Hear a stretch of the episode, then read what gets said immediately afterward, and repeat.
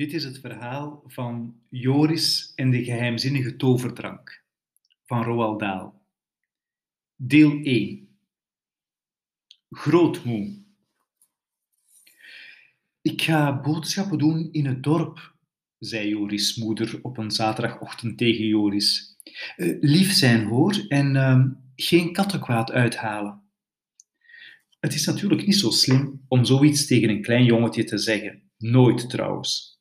Hij begon meteen te bedenken wat hij dan wel voor kattenkwaad uit zou kunnen halen. En vergeet niet grootmoe om elf uur haar drankje te geven, zei moeder. En toen ging ze weg en deed de deur achter zich dicht.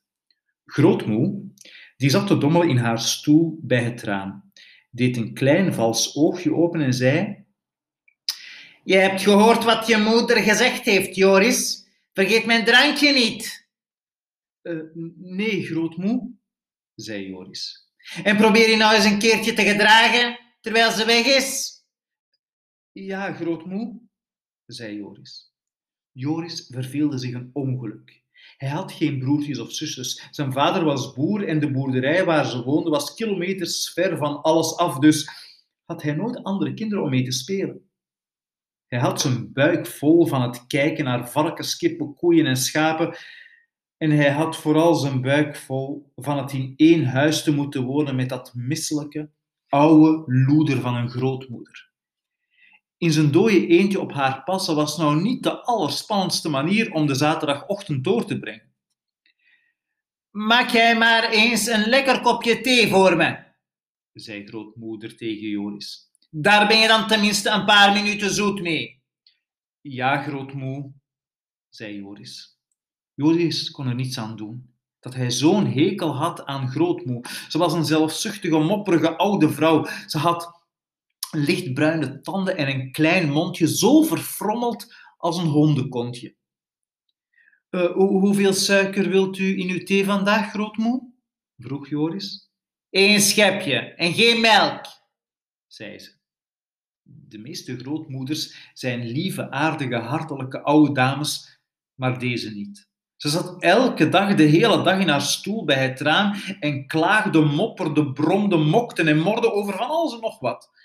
Nog nooit, zelfs niet op haar beste dagen, had ze naar Joris geglimlacht en niet gezegd van En hoe is het met jou vandaag, Joris? Of eh, zullen we eens gezellig een potje kaartje? Of hoe ging het op school?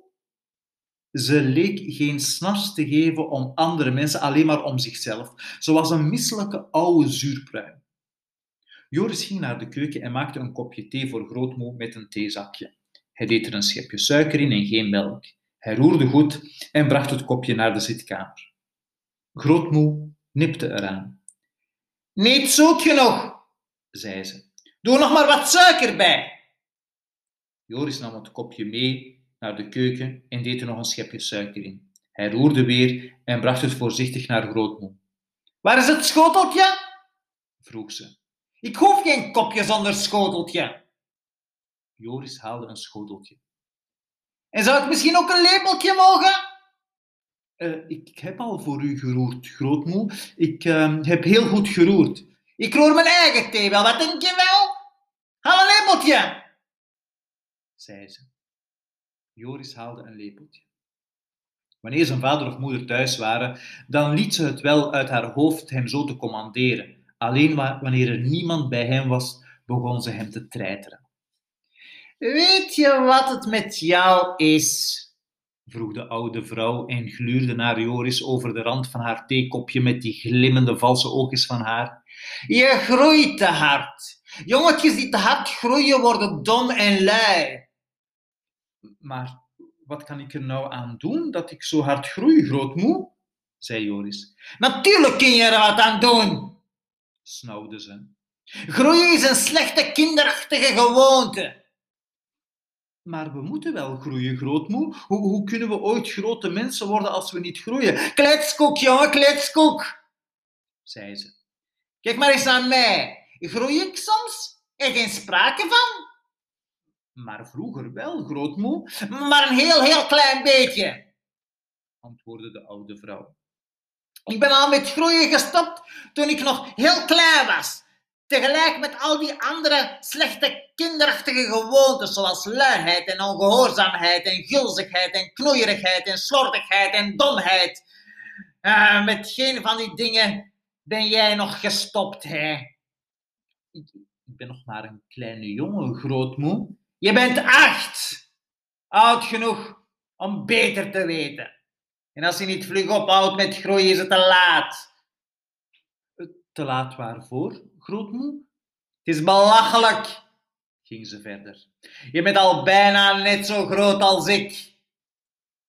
Joris bekeek grootmoe eens goed. Ze was inderdaad maar een piepklein mensje. Haar benen waren zo kort dat ze een voetenbankje nodig had om haar voeten op te zetten en haar hoofd kwam maar tot halverwege de rug van de leunstoel.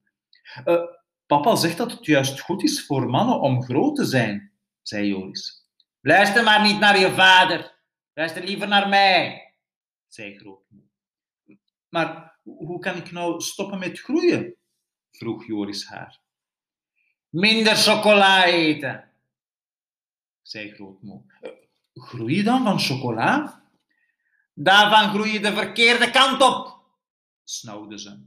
Op in plaats van neer. Grootmoe nam een klein slokje van haar thee, maar zonder het kleine jongetje voor haar een ogenblik uit het oog te verliezen. Nooit opgroeien, zei ze, maar altijd neer, neer. Ja, grootmoe. En geen chocolade meer eten, eet liever spruitjes. Spruitjes? Maar nee, ah, ik hou niet van spruitjes, zei Joris. Het gaat er niet om of je van iets houdt of niet. Het gaat erom of het goed genoeg voor je is. En vanaf nu af aan moet je driemaal per dag spruitjes eten, bergen spruitjes. En als er rupsen in zitten, zoveel te beter, zei grootmoe. Jakkie, zei Joris. Van rupsen word je slim, zei de oude vrouw. Maar, mama spoelt ze door de, door de gootsteen, zei Joris. Ja, mama is net zo stom als jij, zei grootmoe. Spruitjes smaken nergens naar als je niet een paar rupsen meekookt. En slakken ook. Toch geen slakken?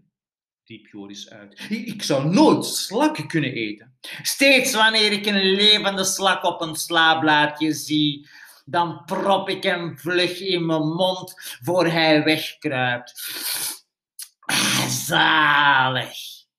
En ze kneep haar lippen samen, zodat haar mond een klein gerimpeld gaatje werd. Zalig! zei ze nog eens. Wormen en slakken en kakkerlakken. Nou, je weet gewoon niet wat goed voor je is. U, u, u, maakt toch zeker een grapje, grootmoe? Ik maak nooit grapjes, zei ze.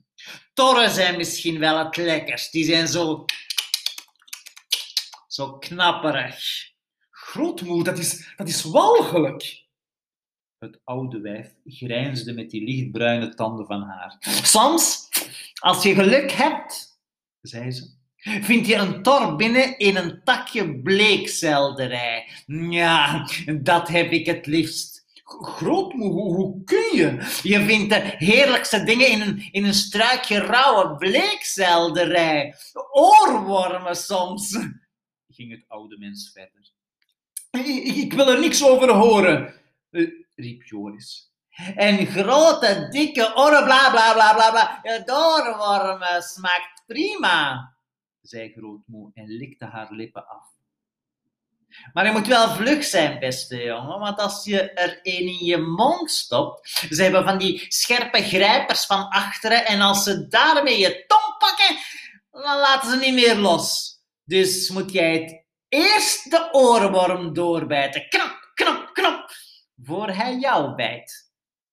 Joris begon zich voorzichtig naar de deur te bewegen. Hij wilde, hij wilde zo ver mogelijk bij dat smerige oude wijf uit de buurt. Jij probeert aan mij te ontsnappen, hè?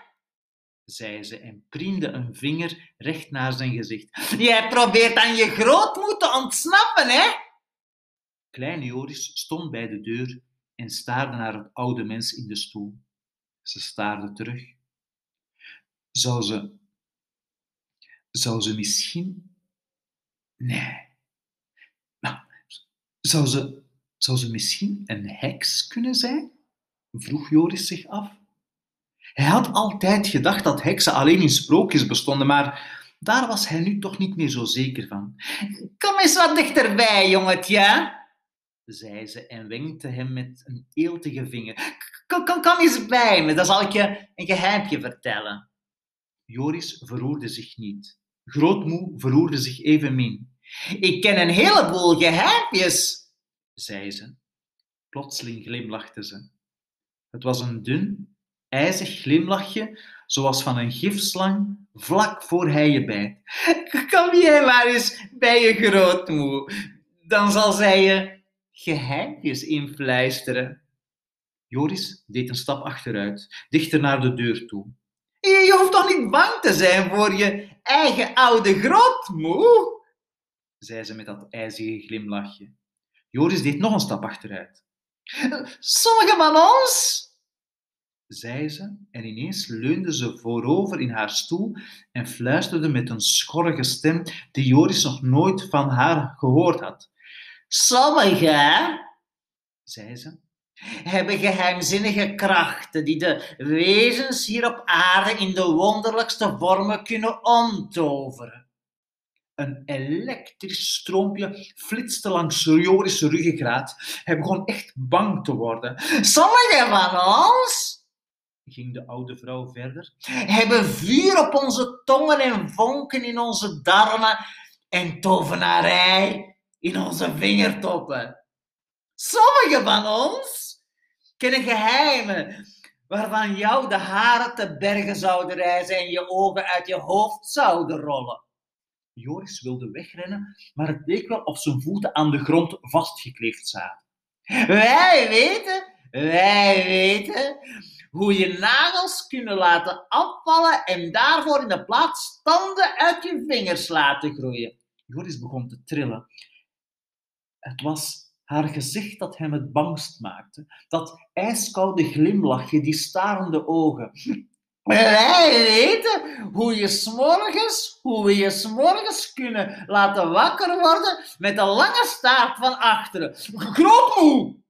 riep hij uit. Hop! Hop! Wij kennen geheimen, beste jongen, van duistere plaatsen, waar duistere dingen leven en krioelen en over elkaar heen glibberen. Joris deed een snoeksprong naar de deur. Het doet er niet toe hoe ver je wegrent, hoorde hij haar nog zeggen. Je ontkomt er toch niet aan. Joris rende de keuken in en sloeg de deur met een klap achter zich dicht.